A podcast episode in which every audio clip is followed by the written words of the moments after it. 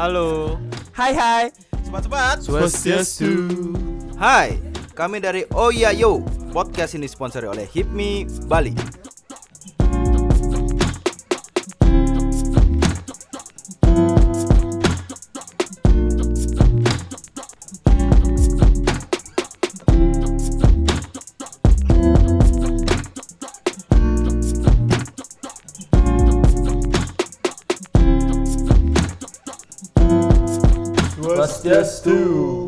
Jadi kali ini kita bakal ngobrol lagi sama Orang yang kemarin kamu dengerin ah, atau yang tadi kamu dengerin. yang tadi kamu dengerin mungkin benar. Mungkin benar. tergantung kan dia dengernya kapan. Benar benar benar setuju setuju. Jadi di sini kita bakal Siapa bilang? Oh ya lupa lupa. Itu Itu sama beli Dodo. beli dodo. Siapa itu ya? Ya, Beli dodo yang punya eh, tiga. Sur Sali itu juga yang di kuliner. Nah, pokoknya lengkap dah. Mantap banget.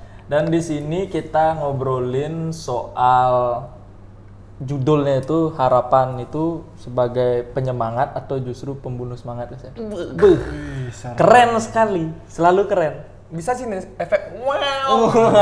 wow. Celeketuk. Jadi untuk di sini siapa mau mulai pertanyaan? Coming aja dah. Aduh. Karena saya sebagai co-host saja di sini.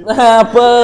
Nah, jadi di sini Saya akan ngelawak-ngelawak saja. Serius, serius, serius, serius. Jadi di sini kita bakal langsung to the point bertanya ke Bidodo. Nah, kita akan melanjutkan soal obrolan yang kemarin itu dah. Nah, soal masuk asosiasi. gitu. Nah, soalnya menurut pandangan kita ketika masuk asosiasi, nah kalau dari penjelasan Bidodo yang waktu itu, kita ngerasa kayak mulai tercerahkan Gus ya sebenarnya. Kita jelaskan sedikit. pengen ikut asosiasi cuman bingung asosiasi apa gitu Iya. tapi lebih tertarik asosiasi papa apa yang genit Papa ya? genit. ya Tapi harus nikah dulu. benar benar Harus nikah dulu, tapi ya. kita belum siap untuk sekarang siap. Dan berani genit harus itu. nah di sini kita ngerasa kayak kita pengen ikut ke dalam asosiasi cuman kita balik lagi muncul sebuah pertanyaan baru di mana ketika kita masuk asosiasi kan kita balik lagi ngerasa kayak minder itu. Nah kalau misalnya nih kita bertanya iseng aja beli dodo ini sebenarnya orang dengan tipikal yang mampu memotivasi diri dengan baik atau justru motivasinya itu ada dari luar? Hmm. sifatnya internal atau eksternal penyemangatnya Malam-malam ini udah malam berat lagi dikasih pikirannya. Beuh. Nama kacau. Ampun, ampun. Harusnya udah tidur di rumahnya. ampun, ampun. Nah, jadi kalau saya sih tipikalnya gini ya, apa namanya tadi? Eh, kalau dibilangin saya mencari motivasi dari luar, iya, itu kan jawabannya ini kan benar gini. Jawabannya ini kita jawab iya dan tidak. Iya. Atau abu-abu nih. Nah. Sebenarnya abu-abu sih menurut saya itu. Jadi Abu-abu ya. kadang dalam artian gini. Kadang saya juga pingin eh, apa namanya itu? eh, dalam artian kita menyendiri untuk dalam artian mencari motivasi lah. Mencari kalau saya ada masalah kadang-kadang saya sering itu waktu itu sendiri. Dalam artian sendiri dalam artian itu kita menenangkan diri lah. Jadi tidak ingin dicampur sama orang lain. Tapi satu saat juga kalau ingin masalah terlalu berat masalah pingin kita melupakan ingin mencari teman-teman yang lain. Jadi motivasi dari teman-teman sering dapat di sana. Kalau kita bergaul di asosiasi kadang teman-teman bilang kadang orang-orang bilang ini pah gitu keto gen rumahnya udah pikir lah gitu Nah. pada saat itu kita berpikir ya Ya. pulang ke rumah Buat- itu ya Gir, baru tidak bisa dilupakan. Sering terjadi di kota-kota besar. Sering terjadi banget. Eh, tapi ini kalau misalnya konteksnya kita kerucutkan lebih ke ingin memulai. Nah, kan beli dodo sampai akhirnya bisa tuh memulai start akhirnya sebagai eksportir itu awalnya. Itu tuh motivasinya tuh karena lebih cenderung tergerak dari diri sendiri atau orang lain karena pengaruh dari orang lain akhirnya beli dodo mau bergerak. Eh, jadi gini, waktu itu memang saya ingin lebih gitu loh. jadi pada saat itu saya berpikir apakah saya harus begini-begini aja nih. Dulu ingat cita-cita saya, saya dulu kuliah dua nih. Kuliah pagi di UNUD, kuliah dua itu saya ngambil di desain grafis. Wes, keren banget. Keren banget. Keren banget. Ya, makanya saya nggak pernah punya pacar karena sibuk semua. Wah, nggak punya pacar tapi langsung punya istri. So- ini ada selingkuhan. Waduh, buka kedok. Ini perlu disensor apa tidak? Nah, jadi gini. Jadi pada saat eh, lupa saya apa apa tadi pertanyaannya? Ya. Eh, Tadi ngelanjutin nomornya dua kuliah. Dua kuliah. kuliah. Nah, jadi eh, waktu itu saya kan eh, motivasi saya kuliah. Eh, sorry, motivasi saya pada pada saat itu eh, hanya ingin lebih dari sebelumnya. Mm-mm. Jadi saya mengambil kuliah desain grafis kenapa? Karena saya berpikir pada saat itu kawan saya dapat kerja dari desain grafis dengan eh, freelance. Hmm, iya, iya. itu aja jadi jadi saya berpikir enak ya dia dapat freelance waktu itu ya kalau nggak salah saya bulanan saya 300 ribu gitu Eh, rupiah bukan USD 300 ribu rupiah itu 300 ribu rupiah sekarang eh, berpikir pada saat itu teman-teman tuh pada saat itu udah dapat uang 500 ribu ah, kan menurut saya banyak ya dan dia dapat juga ada uang dari orang tuanya Hmm. jadi motivasi saya simpel sih sebenarnya. Karena saya lihat saya lihat dia itu lebih mampu dari eh, kita, kenapa kita nggak bisa? Berarti memang ditumbuhkan dari dalam diri sendiri berarti ya. diri sendiri. Hmm. Sama juga melihat yang lain juga sih. Ya. Tapi lebih banyak ke motivasi kita sendiri. Ya, tapi kan ngelihat itu kan karena trigger yang kita lihat kan, bukan karena memang ayo gaya gen, kene gen Hmm, gitu. benar. Bukan bukan apa namanya? Tetap ya dari diri ya sebenarnya. tetap dari diri kan. jatuhnya karena kan perspektifnya dari kita gitu. Hmm, ya. Berarti Bli Dodo ini adalah orang yang sangat pandai untuk memanipulasi perasaannya untuk memo- untuk memotivasi diri ya. Manipulasi perasaan nih suara-suaramu kayak gini loh. Siapa namanya? Apa tuh? ada? Yang suka nikah artis-artis siapa namanya? Siapa ada? Siapa namanya? Oh, Rick, oh, Vicky Prasetyo. Ya. Manipulasi. Aduh. Itu Saya kira. Vicky Burki ya. Wah, aduh Vicky Burki. Tuh, Saya belum lahir. Siapa itu? Siapa belum. itu Vicky Burki? Siapa itu? Siapa itu di sana? di Google lah. Nah, terus untuk soal apa namanya? Kalau numbuhin semangat, ada nggak mungkin gini ya? Kiat-kiat khusus Gus ya? Ya, bisa ya mungkin. Ya, jadi gini, kalau semangat sih sebenarnya bisa tumbuh. Jadi gini, saya biasa pagi-pagi itu langsung eh, kayak dulu ya istri saya, istri saya ya bilang sendiri saya tuh orangnya kayak orang gila gitu. Pagi itu saya baru bangun, saya lompat-lompat, teriak-teriak sambil denger lagu eh, apa namanya Queen tuh ya, Are the Champion. Oh. Jadi jadi eh, sambil teriak-teriak, lompat-lompat, bilang kamu kayak orang gila aja gitu. Jadi eh, baru nyadar mungkin dapat orang gila deh. dulu saya Ya, sudah sudah 12 tahun. Jadi saya itu memotivasi diri saya penyemangat pagi seperti itu. Jadi eh, jangan lupa saya ke kantor sebelum ke kantor belum kerja saya pasti berdoa. Hmm. Nah itu itu penyemangat dalam artian di diri kita ya. Tapi kalau saya lihat penyemangat dari luar sebenarnya lebih banyak ke faktor internal kita sendiri sih. Jadi kita dapat masalah, saya selalu berpikir pasti ada jalan keluar loh. Jadi jadi kayak Gojek itu pasti selalu ada jalan gitu. Ah, Hashtag- iya, iya. keren keren. Karena saya berpikir gini, ada masalah itu mendewasakan kita. Ada ma- kita harus mencari masalah. Hmm. Itu selalu saya lakukan dulu gitu. Jadi Banyak masalah. iya banyak masalah. Jadi masalah ada banyak, semakin banyak ada masalah semakin dewasa kita untuk berpikir mencapai itu. Nah jadi motivasi saya adalah masalah. Keren banget. Nih. Keren banget. Nih yang tak cari-cari tadi dulu. Ya. Tadi saya dapat di Google. Bukan dari saya. Sebelum ini. Jadi sudah baca deh materi. Ah, apa namanya? Beli Dodo tuh punya nggak gini apa namanya? Kayak Panutan. panutanku gitu. Panutan apa nih internasional, nasional atau Bebas apa? yang yang yang Beli Dodo bener-bener wah ini Benar-benar terinfluence. ya terinfluence banget sama dia. Mungkin sampai akhirnya ada pengaruhnya dia besar lumayan besar tuh ke Beli Dodo dalam perkembangan bisnisnya Beli Dodo gitu. Nah, sebenarnya yang panutan pertama sih bapak ya orang, Orang tua, tua, ya. itu ya. pasti itu, Ya, itu pasti pasti. karena orang tua saya dia yang memperkenalkan saya ke bisnis jadi dia yang memaksa nah jadi dia memaksa saya untuk bisnis. Pada saat itu saya ditawarin ngonor di PNS saya nggak mau. Saya tawarkan bisnis orang tua saya berjasa kepada saya. Eh, terus kedua ada salah satu senior saya. Eh, dan saat ini kebetulan Astungkara sih saya sudah melampaui dia sih. Oh, Astungkara gitu lah Astungkara Astungkara cuma tidak boleh jumawa kan? Ya, Ya, benar. jadi kita harus lagi mencari uh, panutan ke depannya lagi. Ya, benar, benar. Nah, jadi kalau saya sih sekarang lebih uh, panutan uh, patokan saya terhadap orang tua, bapak, bapak. Orang sih. tua masih. Dia dia yang lebih lebih gini. Karena saya juga berpikir kalau misalnya saya berpikir harus ke uh, apa Facebook, Mark, Mark itu Mark, sebenarnya nah, kalau menurut saya sih bagus ya.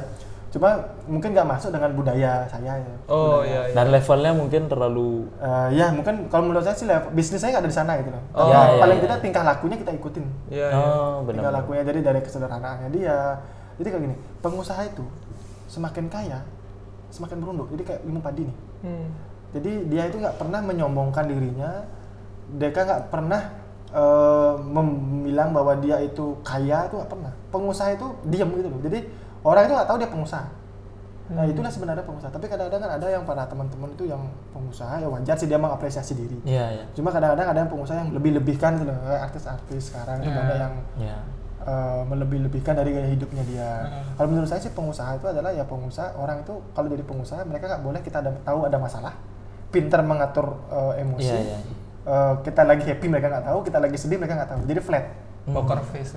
Memanipulasi Iya. perasaan. Nah, jadi jadi kita harus flat. Jadi kita lagi sedih mereka nggak tahu gitu. Tapi kalau lagi ada lagi kalau kadang pengusaha kan gini nih. Kalau mereka lagi seneng eh, teman-teman deketin. Hmm. Kalau lagi sedih teman-teman ninggalin. Hmm. Sering Tapi, terjadi. Jadi jadi hal-hal gitu mungkin kalau kita jadi pengusaha pelajarannya sih flat aja. Jangan sampai orang tahu bahwa kita tuh lagi ada masalah, kita lagi punya duit, lagi punya utang, ya flat aja. Jadi flat. Jadi jadi ya wajah kayak wajah saya lah mukanya kan flat nggak jelas. jelas, jelas, jelas, jelas kok. Berapi-api ya. Panutan banget pokoknya. Ada nggak gini? Tadi kan me- mengagumi sosok bapak lah Ya. Dia yang jadi panutan. Ada nggak satu kalimat gitu untuk wah kok jadi Sedih kayak gini? Rasa Mungkin banget. perlu ada biola nih. Ya. Made silakan Ada biola. betul biola apa deh? Aduh. Ada satu kalimat untuk bapak mungkin atau dan hal yang beli dodo gini bisa pelajari dari bapak dari sosok tersebut lah. Ah, jadi ya gini, kalau orang tua pengalaman yang benar ya, yang benar ya. Yang jadi pengalaman yang benar yang saya pelajarin dari orang tua itu adalah saya tuh waktu itu kerja itu harus ikhlas. Itu yang pertama. Kenapa? Karena orang tua saya waktu itu PNS. Jadi dia temannya banyak, temannya Iya. PNS banyak, artinya kan dia sering bergaul. Iya. Nanti banyak bergaul, banyak uh, networking. Nah, jadi saya dikenalkan sama teman pengusaha A, B, C, D gitu. Nah, jadi saya berpikir pada saat sekarang, oh ternyata orang tua saya itu menabung tuh menabung investasi networking, Oh. bukan menabung investasi uang. Kalau uang dimakannya pada saat itu, mungkin pada saat itu saya sudah punya bla bla bla bla. Ya. Tapi yang ditabung itu adalah untuk anak. Investasi networking itu yang jauh eh, menurut saya penting itu loh. Makanya saya sekarang kalau berpikir eh, kerja, saya jarang berpikir masalah profit Hmm. dalam artian. Tetap sih kita Ya, bawa ya, tapi ya, pasti kita wajar berpikir lah. berpikir dalam artian eh, gimana caranya biar sukses nih? Gimana Hmm. caranya untuk ukuran itu? Bagaimana kita mencari itu? Kalau kita sudah ngomongin masalah teman-teman kadang eh, eh lu berapa nih? Eh, uangnya mana uangnya? Jadi modalnya gimana? Nggak usah kita ngomongin modal. Kalau kita memang optimis yakin jadi kok itu. Nah, itu kata-kata yang memang saya ingat sampai sekarang itu kerja tuh ngayah. Terus saya paling ingat nih kerja yang apa eh, obrolan yang paling jelasnya dari orang tua saya. Mhm. Pada saat itu saya masih skripsi. Saya masih kuliah, eh masih masih kuliah skripsi dan saya masih kerja. Hmm. Jadi saya beres-beres skripsi saya waktu itu saya kuliah lima setengah tahun sih baru tamat. Lumayan agak lama. Ya. Eh, nggak tahu juga teman-teman di sini lima tahun ya. Ya. Nah, saya empat tahun. Empat tahun, oh masih berarti saya masih lama. Karena ambil profesinya dari tahun. Harusnya lima tahun. sombong, sombong. Sombong, sombong. Harusnya lima Banyak tahun. gaya. Tapi nggak bisa dipakai ijazahnya. Benar, setuju, setuju itu.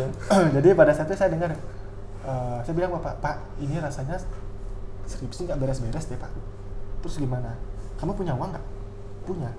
Kalau kamu punya uang kerja kerja tuh kerja cerdas, jangan kerja keras. Maksudnya kalau kamu bisa beli beli aja skripsi apa kamu buat. Masuk banget. Kebetulan saya lagi ngurus tesis. Ya. Curhat sedikit. Udah lagi ngurus tesis, mungkin motivasinya beli dodo ini bisa lah. Bisa banget. Bisa banget. Masuk banget. Masuk banget. Ke kepala banget. Aduh. itu itu kata-kata yang paling jelek nih tapi benar gitu loh Ya, dalam artian pasti kita kerja keras kalau kita bisa kerja cerdas dan kerja ikhlas kan tadi ikhlas cerdas nah jadi ya itu terngiang-ngiang di pikiran saya termasuk yang, yang kemarin itu yang masalah oh, yang tadi masalah sangkar burung itu loh, burung dalam Iya, sangkar iya.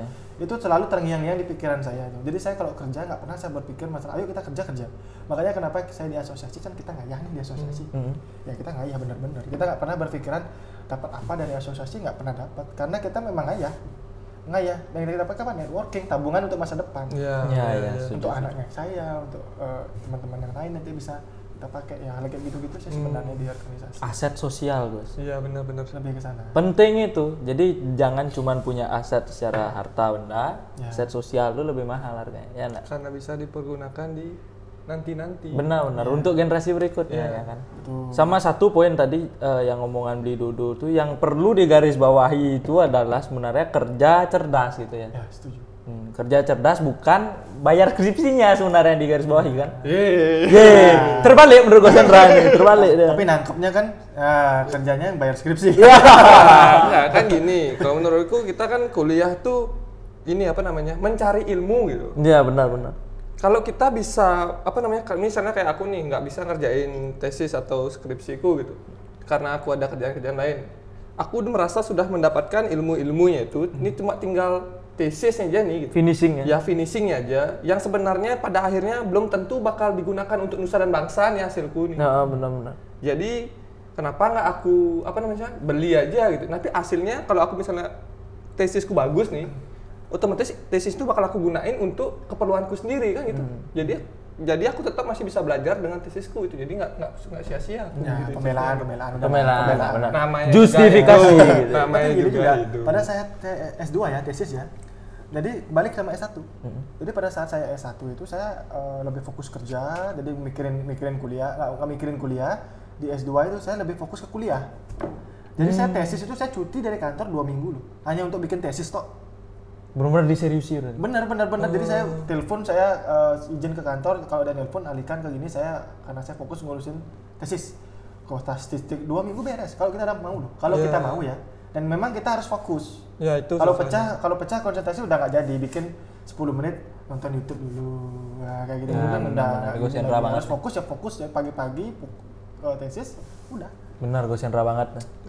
Ya besok udah bikin tesis. Ya, ditarik kata-katanya dong. ditarik. Tetap tidak, tetap tidak. Ya, tetap pembenaran, tetap justifikasi dia. Nah, gini ngomong-ngomong nih, kalau misalnya kita bisa menyangkutkan ke soal apa namanya eh, harapan itu penyemangat atau justru pembunuh semangat, kalau menurut per- pendapat pribadi Beli Dodo itu cenderung lebih ke mana? Harapan sebagai penyemangat Atau justru pembunuh semangat? Nah gini, Eh, kalau saya sih berpikir harapan itu sebenarnya sebagai eh, suatu ini ya, suatu penyemangat dalam artian itu kan cita-citanya kita, impian. Har- Kita berharap kan nanti kita memimpikan itu.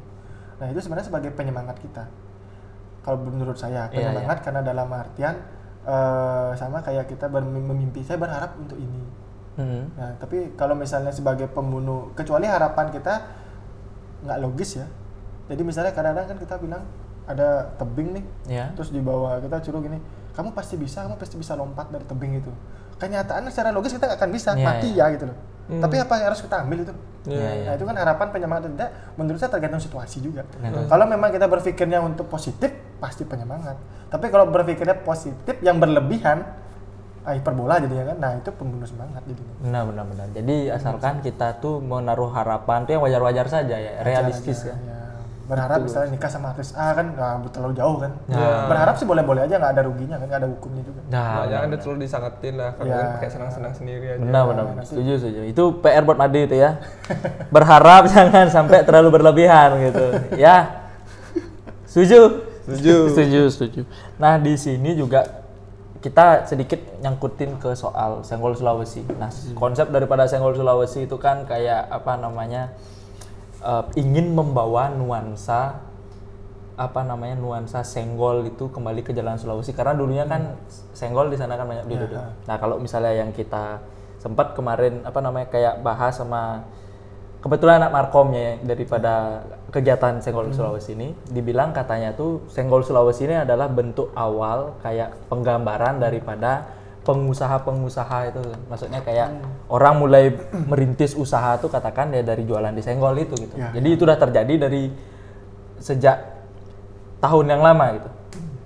Nah, kalau misalnya nih apa dari apa memang menurut beli Dodo aja, apa memang tujuan awal daripada Senggol Sulawesi ini adalah penggambaran dari sebuah harapan yang baru untuk masyarakat saat ini untuk memulai bisnis gitu. Makanya diambil konsep Senggol itu lagi. Oke, jadi sebenarnya Penggol Sulawesi ini kan kegiatan dari HIPMI Bali tuh. Nah, kebetulan dari HIPMI dan Pasar juga mensupport kegiatan ini.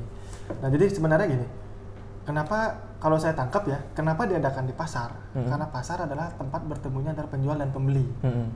Di sanalah cikal bakal sebuah usaha terbentuk Mm-mm. zaman dulu Mm-mm. dari transaksi jual beli. Mm. Nah, jadi kenapa HIPMI, mungkin HIPMI Bali mengangkat eh, Senggol Sulawesi, pasar Senggol Sulawesi seperti ini. Nah, itu mungkin adalah eh, kita kembali lagi ke nuansa awal terbentuknya usaha ya. Pengusaha-pengusaha itu terbentuk dari sebuah transaksi jual beli. Kita belajar jual beli itu di pasar. Mm. Nah, cuma sekarang pasarnya ke heritage bener-bener. Iya. Ya. Nah, jadi tuju- eh, menurut saya sih memang sudah cocok ya situasinya dengan pengusaha, apalagi pengusaha yang memang baik itu mulai dari nol atau sudah berjalan, semua itu lahir dari pasar. Mm. Apa pun itu semua lahir dari pasar. Ibu-ibu berjualan semua lahir dari pasar.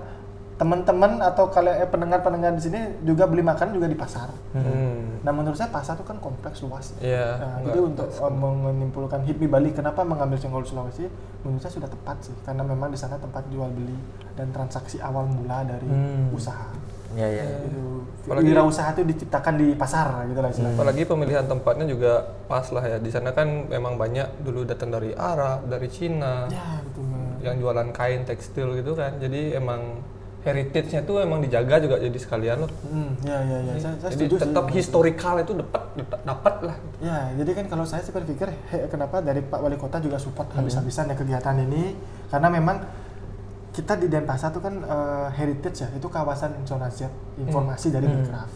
Zona Z, jadi kawasan heritage di sana kenapa kita tidak mengulang lagi tempo dulunya seperti apa. Jadi kan experience yang didapat. Ya. Kalau sekarang orang kan experience ya, jarang orang kalau beli barang. Jadi gini, paradigma sekarang orang tuh mencari experience untuk Ya. melakukan sesuatu. Setuju. Gitu. Setuju nggak? Setuju. Setuju banget. setuju. Beli- Selalu setuju nih gue beli baju ke konser biarpun baju jelek aja tetap dibeli. Ya, ya. Karena dia kan nyari Dapat experience, iya, ya, pengalaman Ini, kan ini ya. baju yang beli di sini nih gitu. Jadi dapat dia memori-memori yang biar Mantan-mantan. misalnya- ya mantan-mantan yang dia datang ke sana tuh gitu loh. Setuju banget. Selalu setuju, selalu setuju gue pokoknya. Mau gue Sandra sebagai ko- eh, sebagai host utama. Enggak, co-host saya. Ya. saya cuma co-host ini. Selalu menghindari. Anda hostnya. Nah, nah, nah, nah, seperti Kalau itu. itu rebutan saya aja deh. Ya, bintang tamu. Silakan tanya mau tanya. ya. Nah, jadi berarti itu kurang lebih itu memberikan semangat ya buat anak-anak Bali katakan itu untuk memulai bisnis tuh kali kasih gambaran Nelo Pidan kan memulai berbisnis dengan cara senggol. ya kan? Walaupun sudah sederhana lah dagang es, kang guang gitu kan. Tapi akhirnya bisa bikin startup es mungkin. Startup Ya kan es, siapa katanya. tahu Setuju, setuju. Gitu loh. Misalnya kayak yang tadi beli yang beliau udah bilang sebelumnya, beliau menganggap bahwa apa namanya? Ekspor ekspor kayu itu kan kolonial dari Ya, ya. Mungkin kan anak sekarang bisa belajar dari situ untuk bikin apa? Bikin platformnya gitu loh gimana untuk biar gampang aksesnya nih ke luar negeri nih gitu. Biar orang gampang mesennya gitu loh, Ming. Sebenarnya itu apa jadi do- ide buat beli dodo nak? Ini siapa siapa tahu deh Ah, ya sama gitu loh. Oh ya, udah, udah. Belum, udah. Nanti saya japri ya. Ya. Tapi saya memulai dulu, eh, saya dulu sempat jualan jus loh di Denpasar Festival. Oh ya? Iya, jadi saya jualan jus waktu itu gini. Waktu itu kakak saya tuh supplier distributor nih, distributor eh, mik- eh, Mikol, Mm-mm. minuman beralkohol sama si Oh, Mikol. Kirain apa, guys? Ya bahasanya Mikol lah gitu. Mikol, Jadi distributor. Mikol, waktu itu saya dia saya di sama dia itu saya jadi supirnya. Jadi saya ngantar-ngantar barang untuk malam. Hmm. Kalau pagi kan ada supir biasa nih. Ini malam nih khusus untuk yang ngirim ke pub-pub yang harus malam itu. Ah. Saya yang tugas di sana. Jadi pada saat senggang weekend itu kita tuh ini apa jualan kita ada ketemu supplier jus jus buah. Itu eh, 5 literan jerigen itu. Ah. Nah, jadi kita di Denfest tuh kita beli ini beli apa beli kayak eh, apa kayak dispenser itu loh. Iya. Ada empat, kita ada jual jus empat, kita tuangin di sana, kita jual 5000 per cup per cup eh, segini. Ah, ah. Lumayan. Dari 50000 saya beli ini itu waktu itu penju- kita hanya ngabisin berapa? ya? Jadi penjualan satu hari 3 juta. Boys. Lumayan itu sama 5 hari 15-an. Hanya jualan jus itu aja. Jus isi mikol. Enggak. Ah, jus Mikol. Jus dan mie sayur kol. Ah. pure pure jus. Nah, jadi kalau teman-teman sekarang misalnya di nikahan nih ada jus ya jus jus kayak gitu. Oh iya Jadi iya. jus yang dipencet terus keluar itu ya. Itu dulu jualan kayak gitu di Denpes. Nah, bikin startup jus untuk saya. Ya, ya, intinya mulai aja dah dulu gitu. Mulai aja Ya, dulu. Mulai aja. mulai aja dulu, nggak usah dipikirin apa-apa. Kalau banyak berpikir nggak akan mulai. Ya, gitu. benar, benar, benar. Kadang teman-teman yang ini ya apa yang eh, egonya tinggi ya. eh, pada saat kita memulai, mereka pasti banyak berpikir, oh ini belum ini nih bisnis model kanvas macam-macam gitu. Nah, benar-benar. Kebanyakan Ya. gambaran atau apa? Saya Ya. di kampus belajarnya itu aja juga Ya, tiap hari. tapi penting juga setelah barusan berjalan. Ya. Nah, sekarang baru saya merasa, Ya. apa kita nggak buat bisnis model kanvas? Tapi kalau misalnya kita terlalu buat itu nggak jadi jadi perusahaan. Ya, benar. Terlalu banyak pertimbangan biasanya. Betul. Eh, gus ya beli ya. Ya, ada banyak pertimbangan. Jadi Beli Gus. Beli gus. Ah. jalanin aja deh. Ya. Ya, ya, setuju, setuju. setuju, setuju, setuju. Berarti kurang lebih itu. Nah, gini dah, kita keluar sedikit. Mungkin buat anak muda yang di Bali, terutama pendengar kita, sahabat pendengar kita yang ada di Bali, nanti bisa datang ke acara Senggol Sulawesi, Sulawesi. itu di tanggal 9 sampai 10 November. 9 sampai 10 November. tahun 2019. Jangan lupa. Jangan lupa. Nanti dia lewat. Nah, ah, benar benar benar. benar benar kelewat sana nanti ya. Boleh main-main. Dari 9 November sampai 10 November 2019. Jangan lupa tanggal 9 ada netran juga tuh. Oh Ya, iya. ya, ya, ya, ya, ya. Ada Udah dengar ya? Putri. Dan harusnya udah sih. Harusnya udah Di podcastnya di mau, sehat tanya, siapa. siapa, Itu jadi ada night fun run. Eh, ah, benar ya? Night Fun Run. Night fun run itu nanti hadiahnya Rumah. rumah. Rumah, waduh. Selain rumah ada yang lain juga ya? Ada. Apa aja itu Gus? Ada AC. Asik. Terus Ada yang seingat-ingat aja ya. Iya, iya, ada iya. smartphone. Ah, terus apa tuh? ada sepeda. Sepeda. Ada tiket menginap. Tiket menginap di mana? Masih belum tahu. Masih belum tahu. Tidak terinformasi sampai sana. belum tahu informasi itu. Dan adalah lagi. Dan alat elektronik lainnya mungkin Iya. ya. Ya. Ya. AC, AC udah ya bilang. Ah, udah Oh, lah. udah. gitu. Ya, pokoknya Paling itulah. pertama. Ya, jadi nanti pokoknya kalau misalnya ada orang Bali pendengar daripada kita pengen ikut ke acara itu bisa datang nanti di tanggal 9 10 November dan kalau misalnya mau ikut Night Fun Run itu tiketnya berapa Gus? Eh, 250 ya 250 ribu. 250 ribu rupiah. orang per orang ya? Ya, per orang. Per kepala itu ya. Bisa beli offline, Ya bisa beli offline, bisa beli online. di online di Detik Dogs ID. Detik.id ya. Kalau- Kalau dapat baju jersey juga, ada ada medalnya ya, juga. medalnya juga. Nah, barang barang apa? siapa? Barang Melani Putri loh. Ada barang Melani Putri loh. Pingin. Ah, intinya Pengen seperti lari itu. barang, pengen lari barang dari kenyataan. Pengen lari bareng ke mana anak? Aduh. aduh. Berat berat. Udah malam loh. ya, ya berarti gimana Gus? Sudah mekuah belum? Sudah mekuah. Sudah mekuah kita ya. Jadi kita tutup untuk sesi kita kali ini bareng Beli Dudu yang bahas soal harapan sebagai penyemangat atau justru sebagai pembunuh semangat. Siap. Ya, jadi buat teman-teman silakan dengerin aja secara full dan kali ini kita mau undur diri para Mas Santi. Om Santi Santi Santi. Om.